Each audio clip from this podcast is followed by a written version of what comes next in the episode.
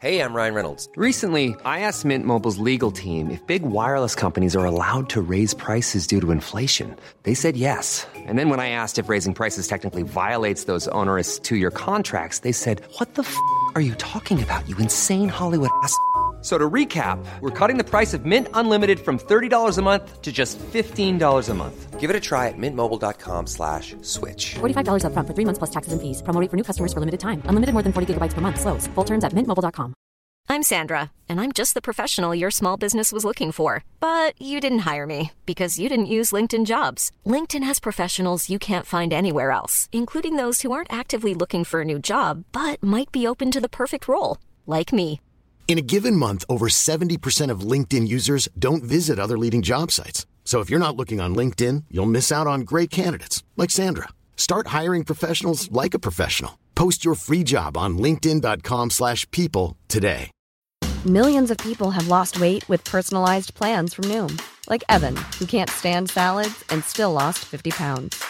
Salads, generally, for most people, are the easy button, right? For me, that wasn't an option. I never really was a salad guy. That's just not who I am. But Noom worked for me. Get your personalized plan today at Noom.com. Real Noom user compensated to provide their story. In four weeks, the typical Noom user can expect to lose one to two pounds per week. Individual results may vary.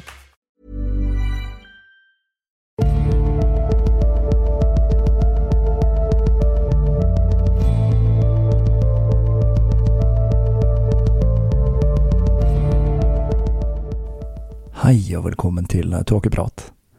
Jeg heter Even, og når jeg tar opp denne episode 171, er det onsdag den 13. oktober 2021. Nå er vi ved veis ende i historien om Gabriel Denuncio, og det er nå vi skal se nærmere på den fasen i livet hans som nok er den som er mest kjent for de som kjenner til denne fortellingen fra før. For nå skal vi bevege oss fra poesi, sex og krig til hva som kunne beskrives som et mørkt sirkus. Siden forrige episode har jeg ikke bare hatt høstferie og vært en tur i fjellet, men her i huset har vi satt i gang med totalrenovering av bad. Noe som ikke bare gjør at vi har fem uker uten dusj og lever på en byggeplass, men som også gjør det noe mer problematisk å jobbe med, og ikke minst ta opp podkasten, da studioet mitt ligger rett ved badet. Men podkast skal det bli, selv om jeg må sjonglere litt på arbeidsrutinene for å få ut episoder i denne perioden. Det fine med det å ikke ha dusj, er i det minste at jeg har fått ut fingeren og meldt meg inn på det lokale treningssenteret. Og da blir det jo trening, da. Det er jo litt for pinlig å stikke dit bare for å dusje. Men nå var det altså tid for den siste delen av serien om Gabriel. Jeg har valgt å fokusere denne episoden rundt galskapen som utartet seg under okkupasjonen av Fium, og heller hoppe lett igjennom den siste delen av livet hans etter jeg er ferdig med selve episoden for det kom vel neppe som noen overraskelse at den besto av mer av det samme, sex, kunst og stormannsgalskap. Den eneste lille tvisten er at han ble en iherdig bruker av kokain, opiater og sovetabletter i den fasen. Dette blir enda en svært omfattende episode, så jeg tror bare vi kaster oss rett ut i det siste kapitlet i historien om Gabriel Denuncio.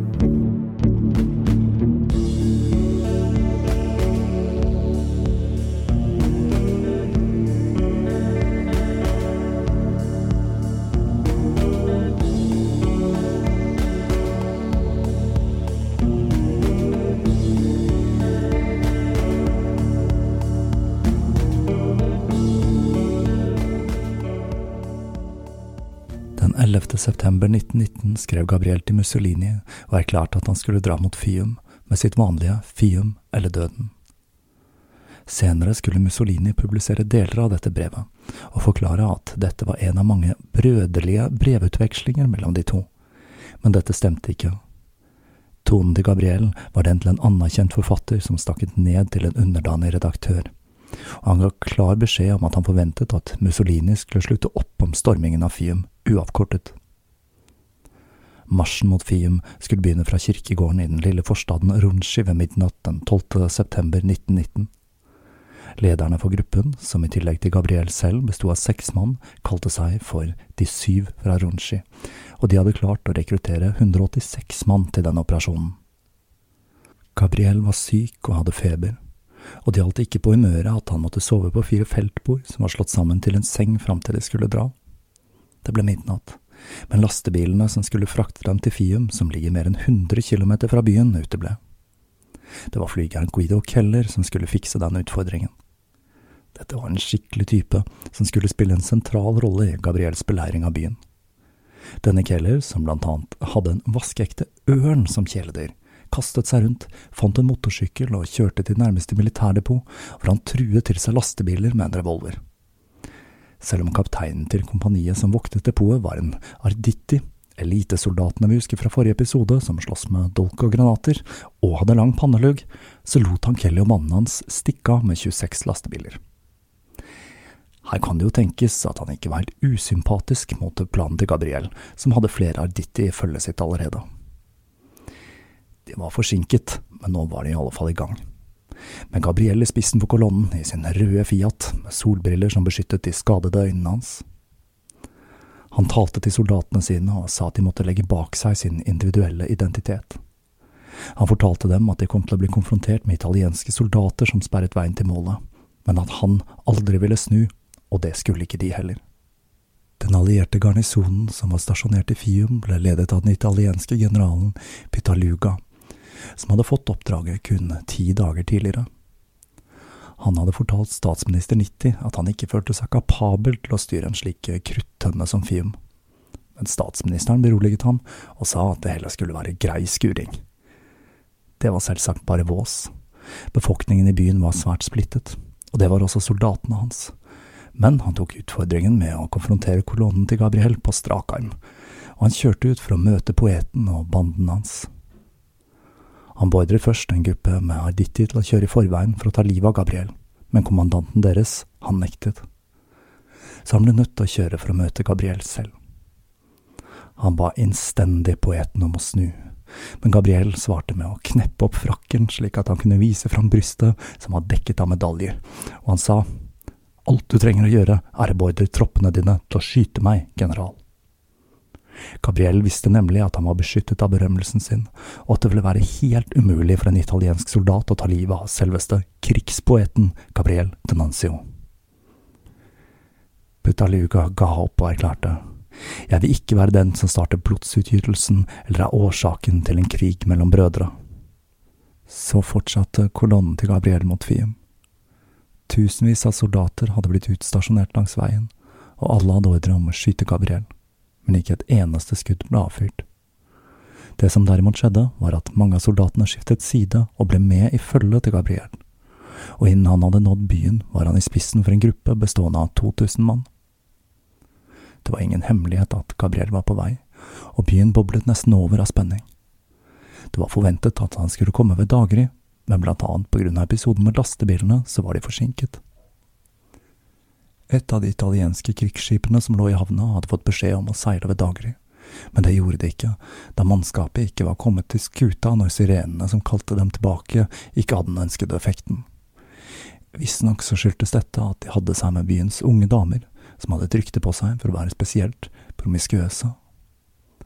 Når solen sto opp, ringte kirkeklokkene og folk strømmet ut i gatene, men ingen Gabriel var å se.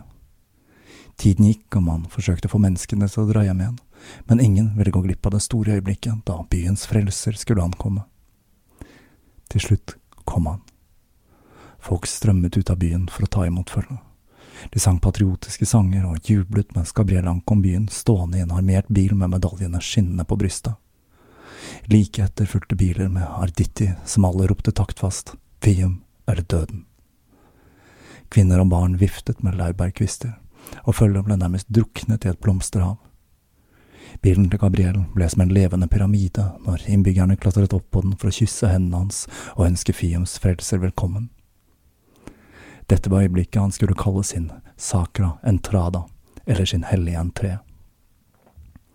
Det hele var så fantastisk at historikere, både i samtid og ettertid, har syntes at det hele har virket litt for fantastisk, og har spekulert i om det kunne være en konspirasjon der italienske myndigheter hadde godkjent kuppet på forhånd. Men det hele skyldtes nok rett og slett ikke noe annet enn at generalene var redde for å fremprovosere et mytteri dersom de ba soldatene sine åpne ild mot sine egne. Når Gabriel var ferdig med denne hellige entreen, så dro han rett til byens beste hotell og la seg litt nedpå, men han overlot det til de andre å finne ut hvordan kuppet skulle organiseres.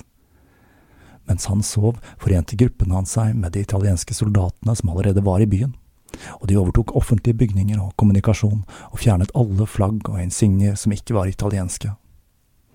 Ardittiene i sine svarte uniformer stilte seg opp som vakter på alle gatehjørner og strategiske steder. Guido Keller, vår pilotvenn med ørnen, hadde et møte med Groschik som var presidenten i det nasjonale rådet i Fium, og han ble overtalt til å utnevne Gabriel til byens kommandant, mens rådet, som stort sett besto av italienere, skulle ta seg av den daglige driften. Men i tillegg til Gabriel selv, så var de underlagt Gabriels egen administrasjon, som gikk under navnet Kommandoen. Når Gabriel ble vekket den kvelden og ble fortalt at han nå var den øverste lederen for byen, så ble han litt forfjamset. Han skal ha sagt øh, hvem, jeg? Det høres kanskje litt rart ut, men det er faktisk ikke helt utenkelig at han ikke hadde tenkt lenger enn selve inntoget i byen.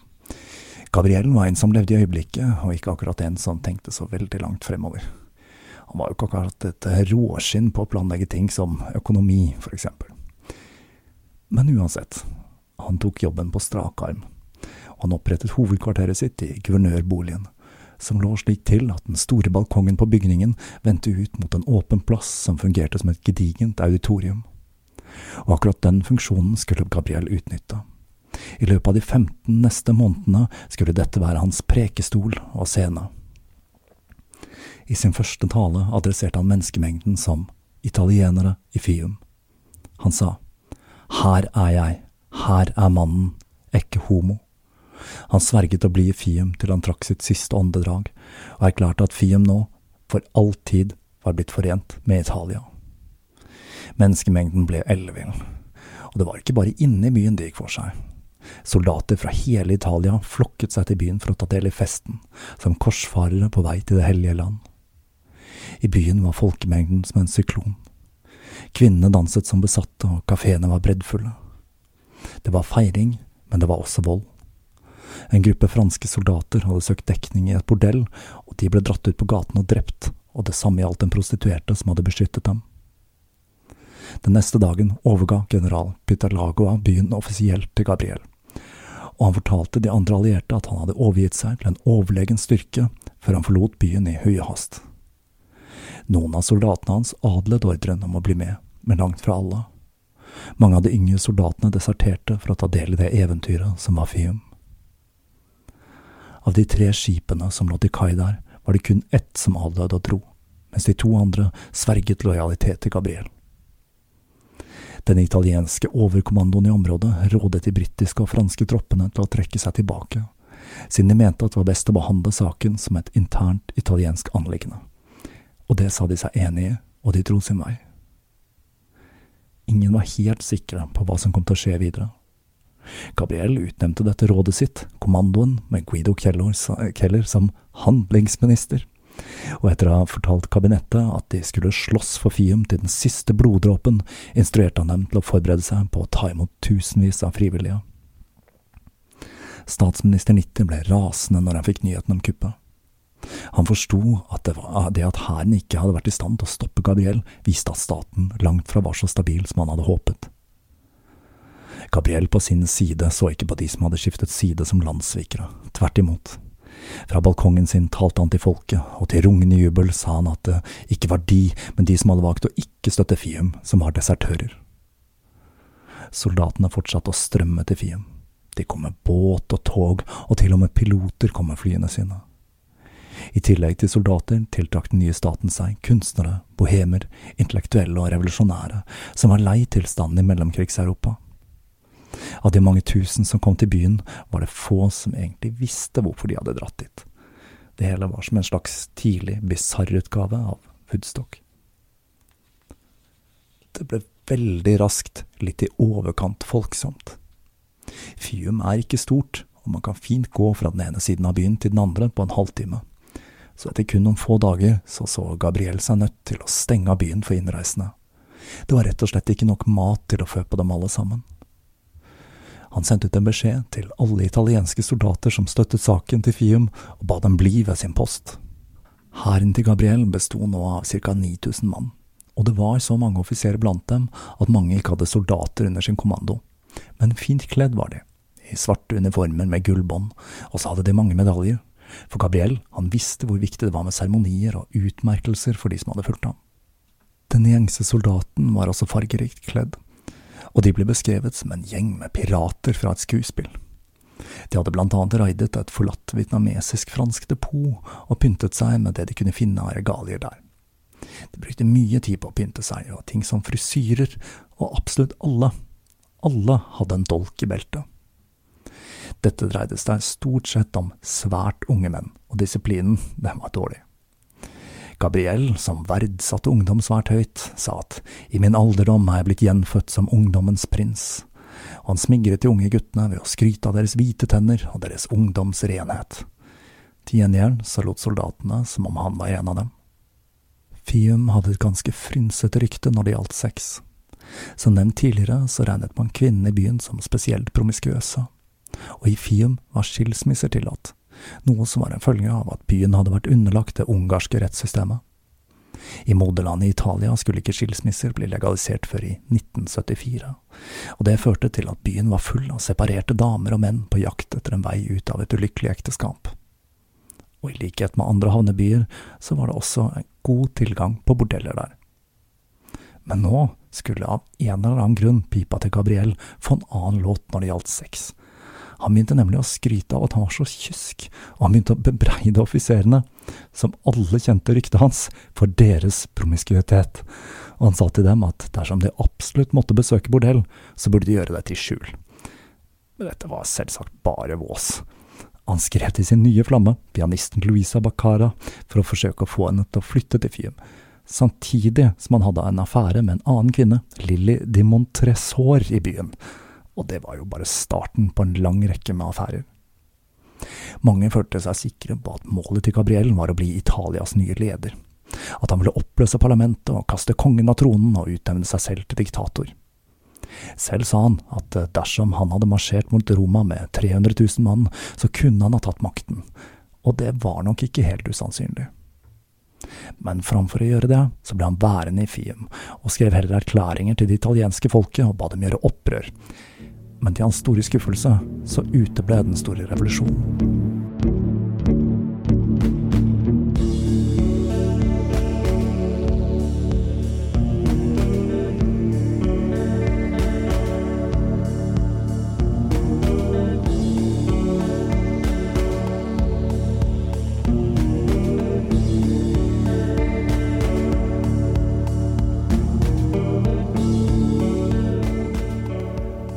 Gabriels Fium ble stadig mer kultaktig.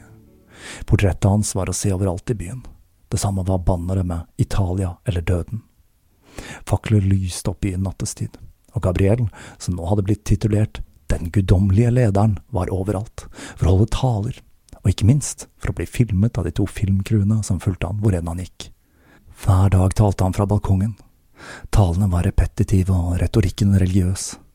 Tusenvis av stemmer understreket talene hans med rop av eia, eia, eia, alala.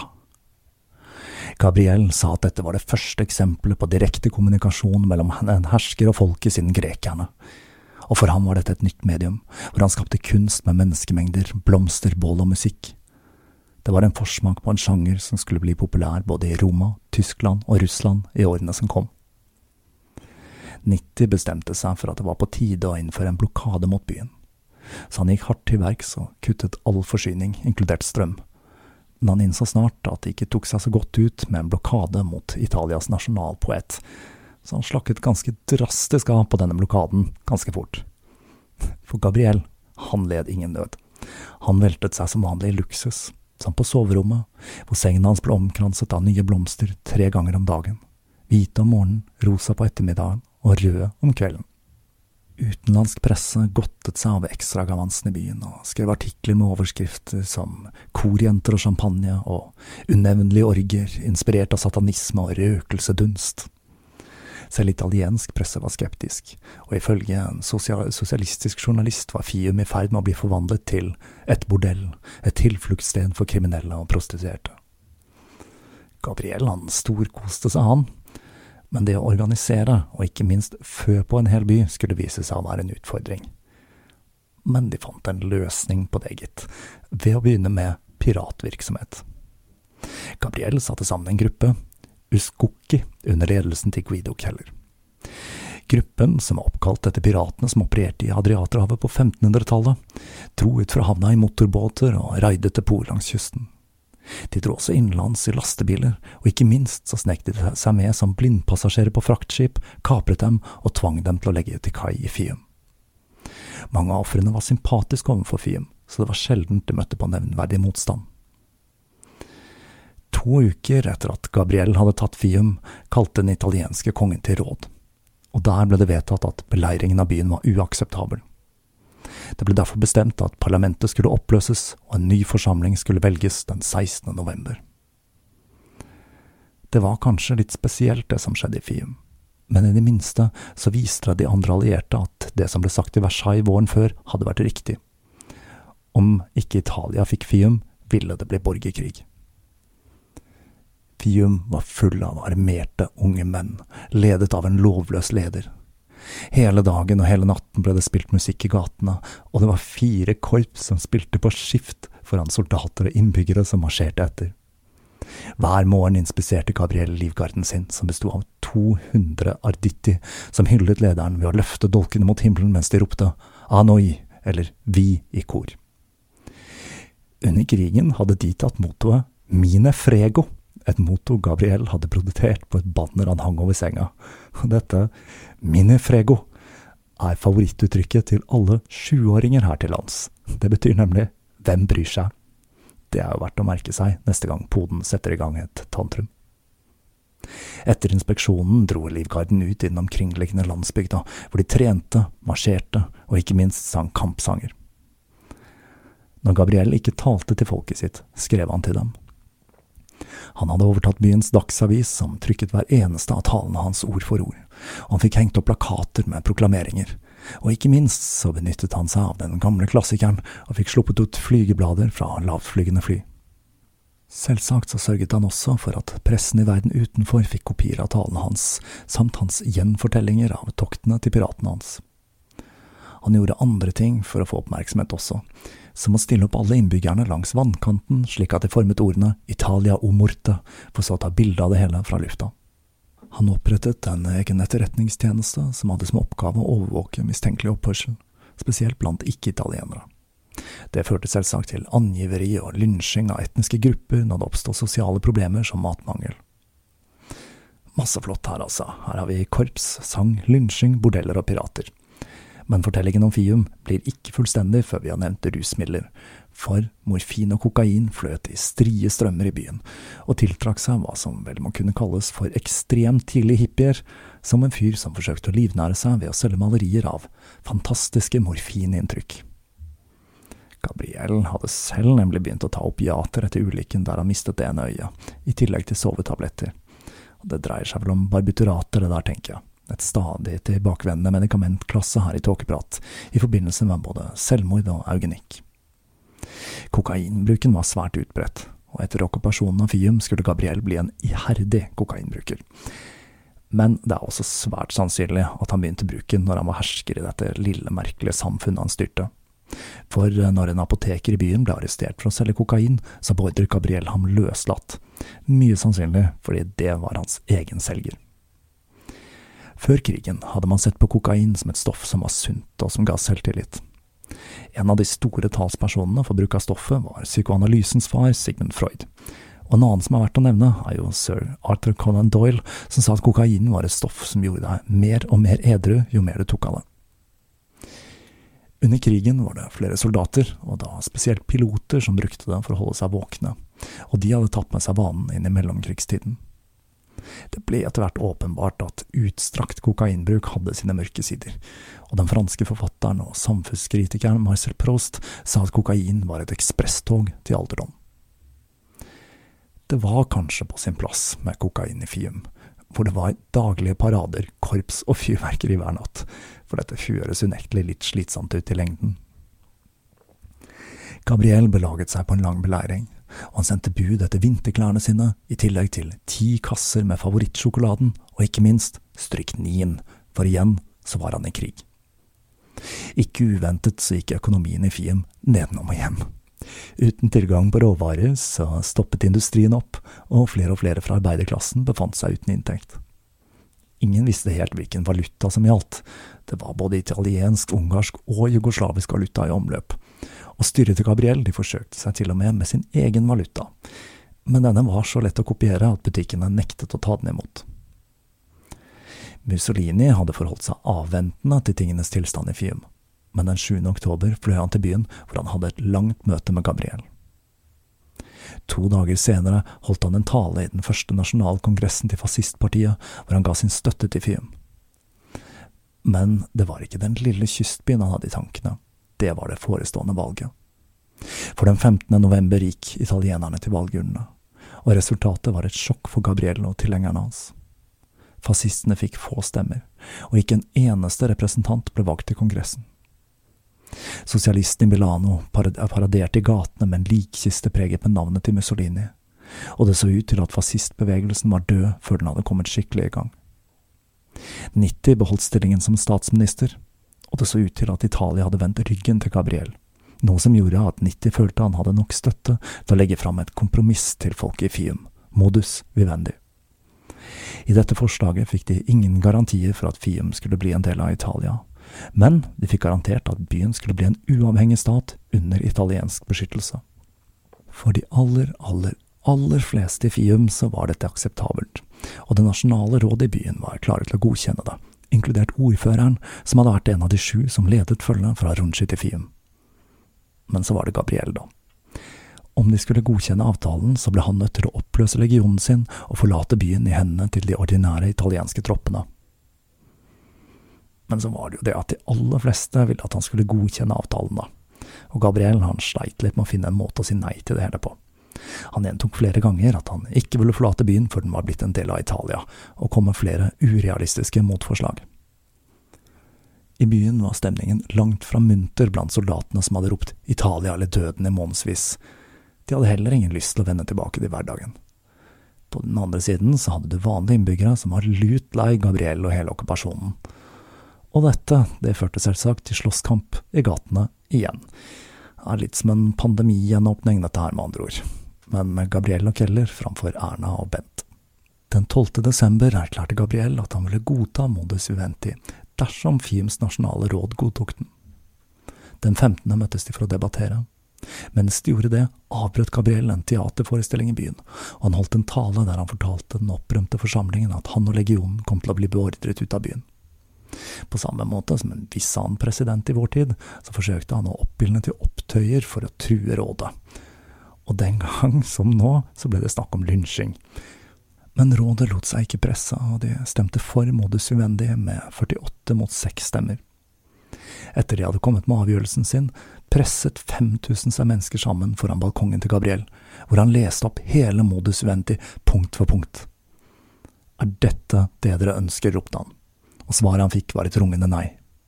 Han erklærte derfor at rådets avgjørelse var ugyldig, og at avtalen måtte avgjøres med en folkeavstemning. Igjen så brøt det ut pandemigjenåpningsstemning når gatene ble fylt av ropende, slåssende og syngende mennesker, og presidenten i Det nasjonale rådet han ble banket opp av livguiden til Gabriel. Den neste dagen ble det hengt opp en rekke med plakater der det sto at folket skulle få muligheten til å løslate Gabriel og hans soldater fra den eden som bandt dem til byen. Vi kom for å tjene byen, og vi tjener kun den saken, vi avventer bare deres avgjørelse, kunne man lese. Valget fant sted den 18. desember. Mens stemmene ble avlagt, dro Gabriel til favorittrestauranten sin for å spise skalldyr og drikke drinker.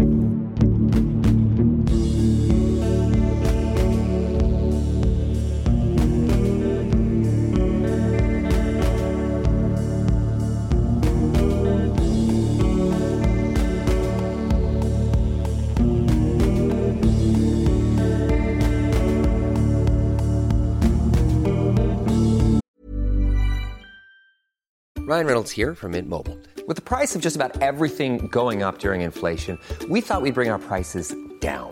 So to help us, we brought in a reverse auctioneer, which is apparently a thing.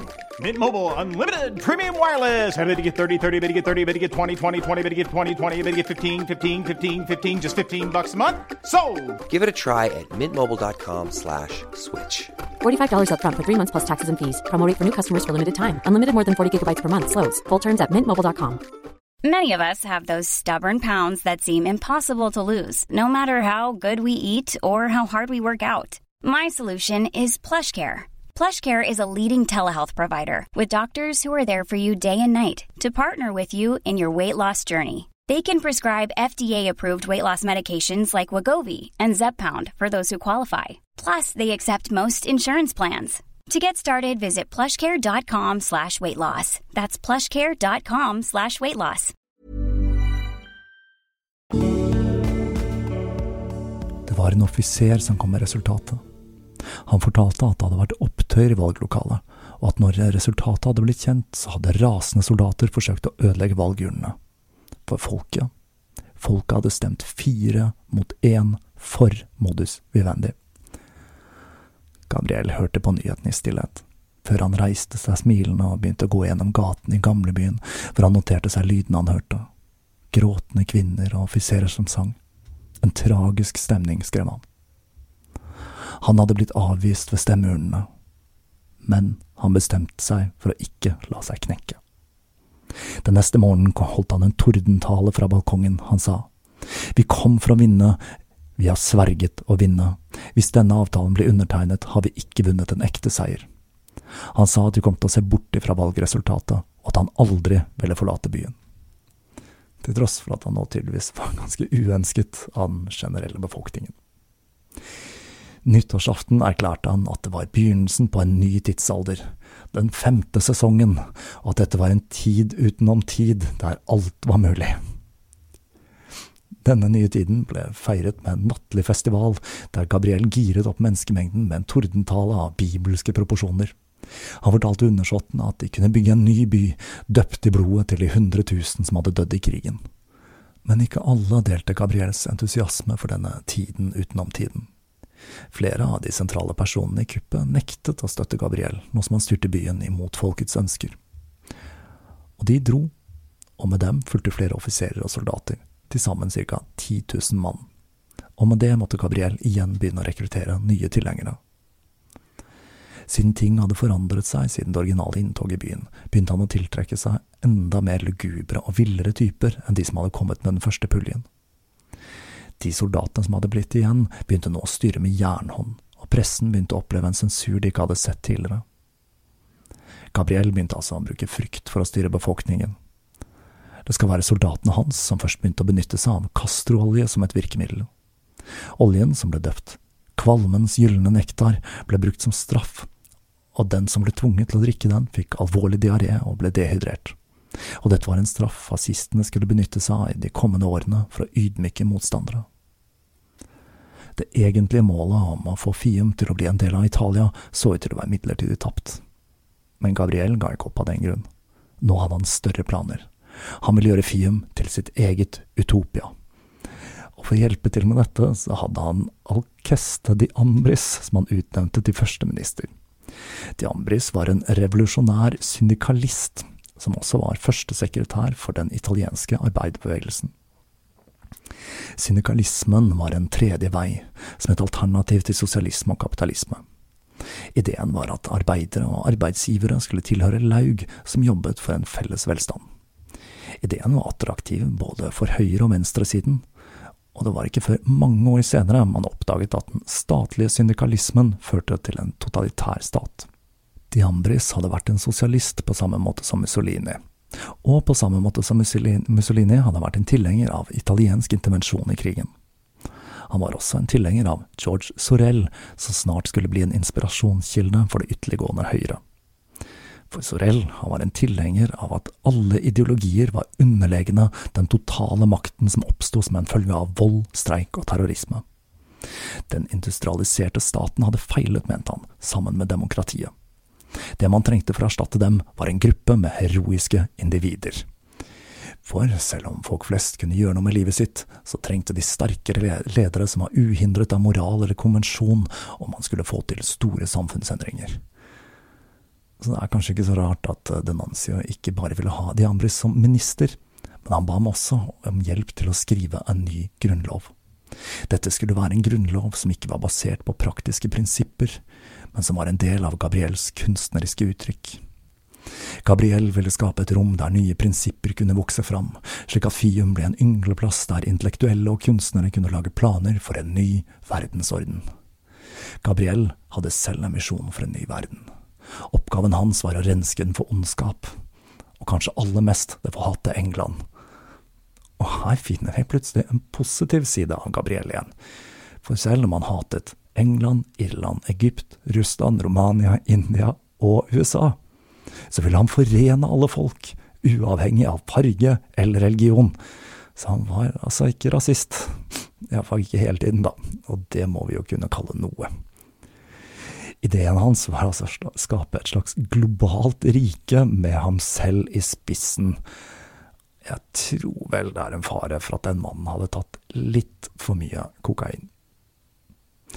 Den voldsomme retorikken mot England førte til at britiske spioner og diplomater ble en tanke bekymret, og var ekstra vaktsomme overfor utviklingen i Fium. En svært sentral person i organiseringen av Fium i den nye sesongen, om vi kan kalle det det, var denne handlingsministeren Guido Keller. Jeg har alt nevnt at han var litt av en type, men for å understreke det en gang til, så var han, som Gabriel, glad i å sprade rundt naken, noe som hadde ført til at han flere ganger hadde blitt bøtelagt for dette før krigen. Og jeg må jo si at eh, beskrivelsen av ham som en svært iøynefallende mann passer ganske bra når jeg ser på bilder av fyren. Veltrent og med et stort, svart skjegg og arditti-sveis. Han ser faktisk litt ut som en Hollywood-fremstilling fra 60-tallet av en gresk gud. Han var minst like sprø som Gabriel, en historie forteller hvordan flyet hans fikk motorstopp over serbisk territorium, hvor han nødlandet ved et kloster. Mens han reparerte flyet sitt, ble han begeistret for et esel som tilhørte klosteret. Så begeistret ble han at han kidnappet det, bandt det fast i flyet og forærte det til Gabriel når han kom tilbake til Fium. Det er ikke uten grunn at jeg refererer til greske guder, for det hele begynte å minne mer og mer om en slags gresk eller romersk gudefortelling der Gabriel selv var guden. Hvor enn han gikk, regnet det blomster, og mange forsøkte å etterligne sitt store idol, noe som førte til at mennene begynte å skinne seg, få fippskjegg og gå med hvite hansker og monokkel, i tillegg til å spise mye godteri og flørte med damer. Det er visstnok her denne moderne, høyreekstreme skinhead-moten har sitt opphav, uten at jeg er helt bombesikker på det der, altså. Anton LaVey hevdet jo at det å skinne seg er noe som stammet fra jesidiske djeveldyrkere, eller noe i den duren der. Han hadde for øvrig vært en superkompanjong for Gabriel. Berømmelsen gjorde at det var slitsomt for Gabriel å bevege seg utendørs, så han lagde seg en liten hule i guvernørpalasset, der han kunne ha seg med elskerinnene sine, og også invitere rådet på møte. I tillegg til Louisa, denne pianisten, så hadde han selvsagt et kobbel med elskerinner. Dette var kanskje i teorien en slags militær forlegning, men de som hadde valgt å bli igjen i byen, var ikke akkurat disiplinerte, og det førte til korrupsjon, rus og vold. Keller hadde oppdaget at det var en gjeng med rømlinger, en blanding av kriminelle og mindreårige, som hadde slått seg til ved verftene. Når han dro for å undersøke, så oppdaget han noe som vel må kunne beskrives som noe sakset rett ut av en film. Masse rusa, halvnakne menn som stupte fra brygga, lekte seg med de gamle kranene og solte seg på de forlatte skipene. Kelly bestemte seg for at denne gjengen, som var utskudd i en by med utskudd, ville være perfekt material for å danne en ny milits, og han døpte dem dødens centurioner, og ga dem til Gabriel, som brukte dem som sin private vaktstyrke. Denne gjengen, som gikk rundt i bar overkropp på dagen og øvde seg på krig med ekte granater nattestid, ble et vanlig skue i Fiums gater. Gabriel og de andres fortsatte arbeidet med Grunnloven, og i mars 1920 var det første utkastet ferdig. Dette var et dokument som tegnet et bilde av noe som minnet om en italiensk føydalstat som ble styrt av ni ulike selskap eller laug som skulle styre ulike deler av samfunnet. Like etter de var ferdig med dette utkastet, så skulle disse piratene gjøre et skikkelig stunt når de stjal 46 hester fra den italienske hæren. General Ferrario, som var kommandanten for de italienske styrkene i regionen, fikk høre om dette, og han ble rasende, og han forlangte å få hestene tilbake innen tre dager, ellers ville han forsterke blokaden av Fium, sa han. Og det er jo noe som peker på at denne blokaden langt fra var den torturen av martyren Fium, slik som Gabriel selv beskrev den. De skulle få hestene tilbake, eller noen hester i hvert fall. For å vise dem hvor ille han mente de hadde det, så sendte Gabriel tilbake 46 radmagre hester sammen med et humoristisk og hånlig dikt. Med våren så tok festivitasen seg opp noen hakk. De politiske møtene skled raskt over i fester, som skled videre over i orger, hvor lyden av geværskudd blandet seg med den subtile lyden av elskov. Det var ikke nok damer i Fiem, som man tolererte homofili. Det var ikke uvanlig å se arditti leie hverandre gatelangs, eller se offiserer sminket og kledd ut som kvinner. Og det må ha vært litt av et kalas, for en lege som jobbet her, at, rapporterte at ut av 165 pasienter var det 150 tilfeller av kjønnssykdommer. Samtidig som de hadde seg noe voldsomt, så ble det mindre og mindre å spise. Det var nå slutt på godsakene, og basisvarer ble rasjonert. For å vise sin solidaritet tok Gabriel på seg en korporaluniform og stilte seg i rasjoneringskø sammen med soldatene. Det var for å få det hele fotografert, selvsagt, for han brydde seg ikke om folket sultet, det ville bare hardne dem og viljen deres, mente han. Piratene skulle lyktes med å kapre en båt med korn i mai, og Gabriel var snar med å sammenligne dette med Jesu mirakel med fem brød og to fisk som mettet 5000. Ting var ikke helt stabilt i gamlelandet heller. Sosialistene ble meid ned av politiet, og i skyggen av valgnederlaget hadde fascistene endret seg og kom tilbake i en ny form. Det militaristiske og disiplinerte måtte vike for en ny generasjon som så på seg selv som lovløse rebeller. Økonomien var altså på full fart ned i Italia. Kostnaden for å bo hadde firedoblet seg siden før krigen, og man ble redd for at det skulle føre landet inn i en kommunistisk revolusjon når arbeidere begynte å okkupere fabrikker de jobbet på under demonstrasjoner i Turin noe som førte til at 90 sendte inn 50 000 soldater for å gjenvinne kontrollen i byen. Italia var polarisert, men det var egentlig ikke Fium. Gabriel kastet seg over alle ideer han likte, og selv om det stadig mer ekstreme styresettet hans gjorde at enda flere trofaste følgere forlot Prosjekt Fium, så dannet det seg stadig nye motkulturelle strømninger. En av disse var bevegelsen yoga, som fant inspirasjon i hinduismen. Noe som falt i god jord hos Gabriel, som kjente til Bhagavad Gita, en bok jeg selv regner som en av de aller, aller beste religiøse tekstene som noen gang har blitt skrevet. Denne yogagruppen blandet hinduisme og Nietzsche, og mente at det indiske kastesystemet var et fint grunnlag for å skille overmennesker fra undermennesker. Og det lagde sitt eget system der vi finner ulike grupperinger rangert etter deres spirituelle potens. Her fant vi blant annet de brune lotusene, som var en type hippie som var mot moderne industri, kapitalisme og penger generelt de røde lotusene, som mente at verden kunne endres gjennom sex. Og så finner vi en gruppe som var dedikert til homofil kjærlighet. Jeg er litt usikker på hva de kalte den, altså, men det er kanskje ikke så viktig. I juni 1920 gikk 90 av, og Gabriellen feiret det hele med en lykksom begravelse. Mannen som overtok etter ham, var Gilotti, den samme Gabriel hadde gått så hardt ut mot i 1915. Han var da 78 år gammel, men han ble vel kalt inn for å ta på seg statsministerrollen. Samtidig hadde de allierte bestemt seg for at Fium var en for heit potet til å bry seg med. Men Gilotti han gikk til Jugoslavia for å forsøke å fremforhandle en løsning på hvordan de skulle håndtere den rebelske poeten. I Fium ble tilværelsen stadig mørkere, og skyggene av vold ble stadig lengre. Det skulle ikke så mye til for å bli erklært en fiende av Gabriel, for så å bli hjult opp eller fengslet. Dette gikk spesielt hardt utover etniske grupper, med god drahjelp fra Gabriel, som blant annet sa at serbere var ville dyr som skar, brystene, skar av brystene på kvinner og drepte spedbarn i vuggen. Og sult og fattigdom, det gjorde selvsagt ikke det hele noe bedre. Selv om det meste av industrien lå nede med brukket rygg, var det et par industrier som fremdeles holdt koken, og en av dem, det var våpenindustrien.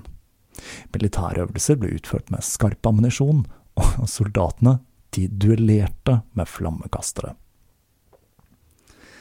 Den 30. august var Gabriel klar til å fremføre den nye grunnloven, men den falt ikke i god jord hos mange. Det var blant annet disse laugene folk klagde på, de sa at det minnet for mye om fagforeninger. Men hvem bryr seg, altså? Gabriel han tutet på og avsluttet presentasjonen med et rungende eia, eia, eia, alala. Nå var ikke lenger målet å bli en del av Italia, men å starte en revolusjon som skulle gjøre Italia til en del av Fium. Når Det nasjonale rådet i Fium oppløste seg selv i protest og erklærte at et gjenvalg var nødvendig, svarte Gabriel med å true med militær makt, og rådet så seg nødt til å føye seg. Men Gabriel var nok var på at det gjaldt å ikke strekke strikken altfor langt, så det ble aldri noe av denne nye grunnloven. Men ikke for det, han inviterte Marconi til Fium, slik at han kunne bygge en radiomast. Om bord på Marconis skute, Elektra, ble Gabriels budskap kringkastet til resten av verden for første gang. I september 1920 brøt ut en miniborgerkrig i Fium. Det var rivaliserende offiserer som hadde sørget for det, og en av ministrene til Gabriel sa at offiserene oppførte seg som fulle sjømenn. Det førte til at Gabriel bestemte seg for å restrukturere hæren sin, og den 27. oktober så la han fram hvordan den ideelle soldaten burde være, det var ikke bare bare. Nå må dere følge med her, for han skulle være i stand til å løpe, svømme, ri, løfte vekter, kaste steiner, klatre i trær, og han skulle være i stand til å bryte ned en dør med bare skulderen og kaste seg fra klipper. I tillegg så måtte han kunne synge, danse, plystre og ikke minst etterligne stemmene til mennesker og til dyr. Bra saker det der, altså. I tillegg så avskaffet han hele offiserstanden alle legionærene hans skulle være likestilte og ha like mye å si, og det var kun Gabriel selv som kunne gi ordre. Stormannsgalskapen hans skulle altså ingen ende ta, og det er kanskje ikke så rart at de få erfarne offiserene som var igjen, flyktet mann av huset, og det var kun de aller yngste som ble igjen. Den 12. november 1920 undertegnet italienske og jugoslaviske myndigheter Rapallo-traktaten. En traktat hvor Fium ble en uavhengig stat, mot at Italia fikk noen områder i Alpene, noen øyer i Adriaterhavet, og mot at alle italienere i området fikk rett på italiensk statsborgerskap. Det var mer eller mindre akkurat hva Gabriel hadde kjempet for. Men det at han selv ikke hadde vært en del av forhandlingene, gjorde at traktaten ble hard å svelge. For ikke snakke om at dersom han godtok den, så måtte han overlate ledelsen av Fium til et folkevalgt styre. Som sist så tryglet de aller fleste rundt han ham om å godta avtalen, men Gabriel nektet. Han stengte seg rett og slett inne på rommet sitt sammen med en kakadue han hadde fått av Keller, og skrev illsinte brev til sine tidligere støttespillere, inkludert Mussolini, men han fikk ikke svar. Så åpnet det seg en siste utvei for Gabriel. Han ble tilbudt å flytte sammen med legionen sin til Sara, hvor guvernøren, admiral Milo, var like misfornøyd med traktaten som han selv men ubesluttsom som vanlig, så klarte han å rote vekk den muligheten, mens den italienske armadaen initierte en blokade av Fium. Gabriel begynte å tale flere ganger om dagen fra balkongen sin, og han forberedte folket sitt på å kjempe til døden, mens han framstilte seg selv som Kristus. Han snakket igjen og igjen om de møkkete kjøterne, slaverne og de svinaktige serberne. Det var som han ikke hadde tatt inn over seg at det var italienske kanoner som pekte mot byen. Guido Keller hadde en løsning. Han mente at Gabriel burde føre hele hæren sin mot Roma. Men dette ble litt for drøyt selv for Gabriel. Keller på sin side, han skyldte på elskerinnen Louisa, som han mente hadde gjort Gabriel svak, og for å demonstrere motviljen mot henne, kastet han en kniv i bakken mellom føttene hennes en morgen hun kom ut av guvernørboligen. Nå var det krisestemning i fristaden.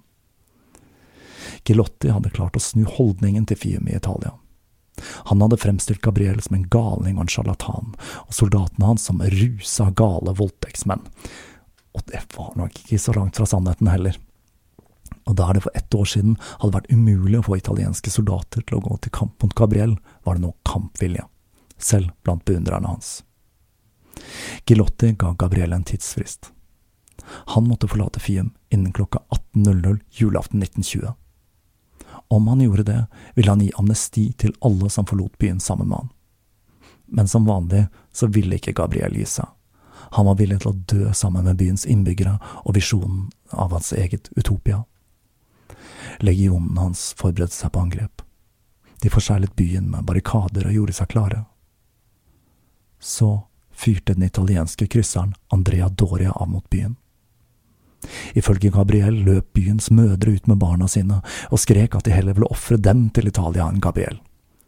Men den mer troverdige historien er at byens kvinner hamret på døra til ordføreren og tagg om å få ham til å få Gabriel til å overgi seg. Gabriel Denuncio hadde aldri helt trodd at italienerne ville åpne ild mot ham, og med kanonaden fra Andrea Doria var det som om fortryllelsen ble brutt. Han var ikke lenger Italias helt, men dets fiende. Legionen i Fium la ned våpnene sine, i sinne over å ha blitt angrepet av sine egne, rev de av seg medaljene sine og klistret heller på frimerker fra Fium som Gabriel hadde designet.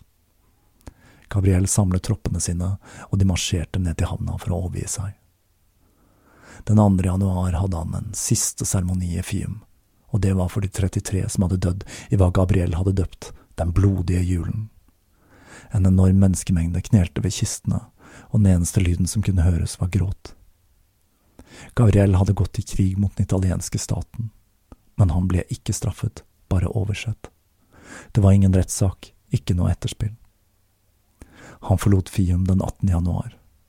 Mannen som hadde vært en eneveldig hersker, en Cæsar, en Doge, var nå kun en gammel mann.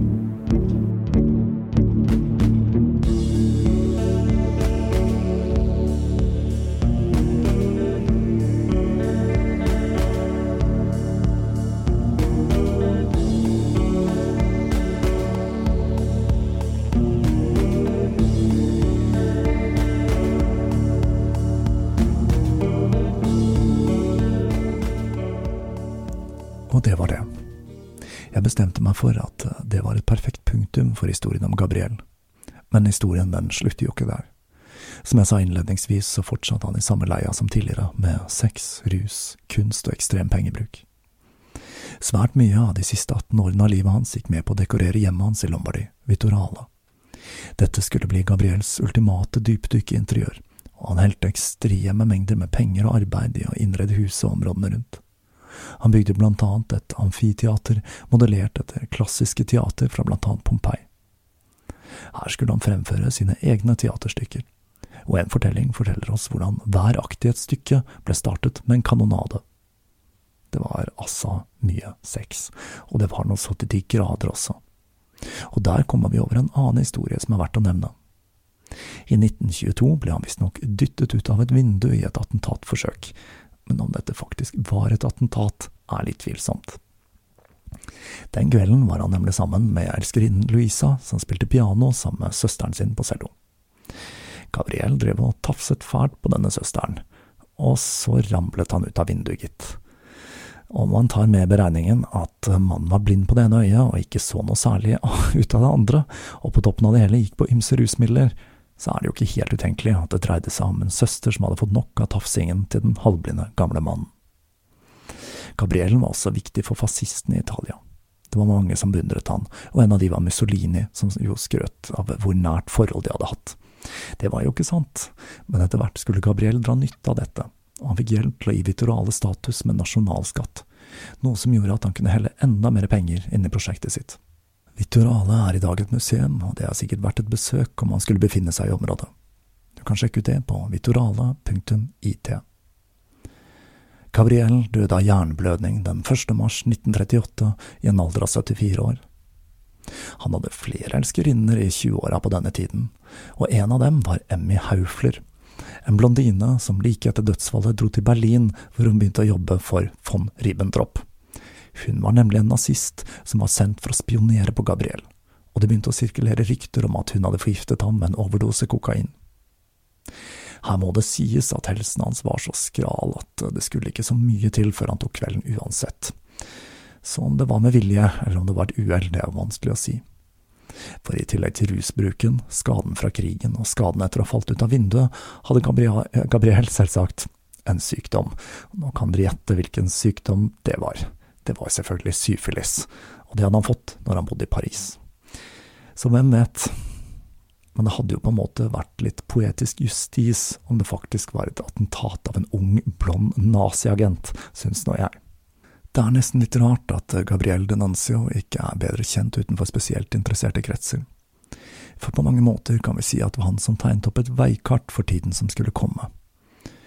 Og vi må jo kunne si, på tross av at han hadde en av tidenes mest uspiselige personligheter, han hadde en greie med ord. For dikt, det kunne han. Jeg har lekt meg mye med å forsøke å få tekstene hans til å fungere på norsk. Noen av episodene har jeg åpnet med noen strofer fra diktningen hans, og det fikk meg på tanken til å forsøke å sette musikk til teksten hans. Det ble gjort i Gabriels egen samtid, og i og med at jeg ikke har fått benyttet mitt nye studio til musikkproduksjon enda, så tenkte jeg at dette var en fin anledning. Jeg knastet sammen noen strofer fra Gabriels dikt I furuskogen, og fant fram gitaren og satte sammen en låt som en avslutning på arbeidet med denne serien. Før jeg setter i gang med den, så vil jeg takke alle dere der ute. Podkastjungelen vokser, og det er lett å gå seg vill i det enorme utvalget som finnes. Siden starten i 2016 har jeg enda ikke funnet en måte å drifte tåkeprat på som får det hele til å gå rundt, og som gjør at jeg fremdeles kan sitte med integriteten igjen. Men vi får se nå som samfunnet åpner opp igjen, om man kan åpne seg noen muligheter på andre arenaer. Og med det sier jeg dere min tolkning av I furuskogen.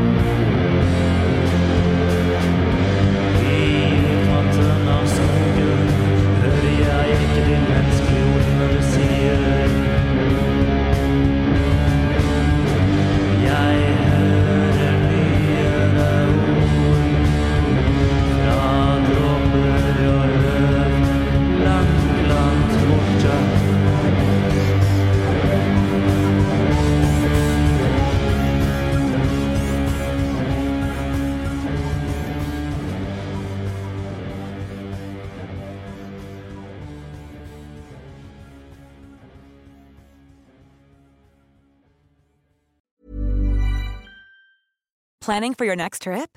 Elevate your travel style with Quince. Quince has all the jet setting essentials you'll want for your next getaway, like European linen, premium luggage options, buttery soft Italian leather bags, and so much more. And is all priced at 50 to 80% less than similar brands. Plus, Quince only works with factories that use safe and ethical manufacturing practices. Pack your bags with high-quality essentials you'll be wearing for vacations to come with Quince. Go to quince.com slash pack for free shipping and 365-day returns.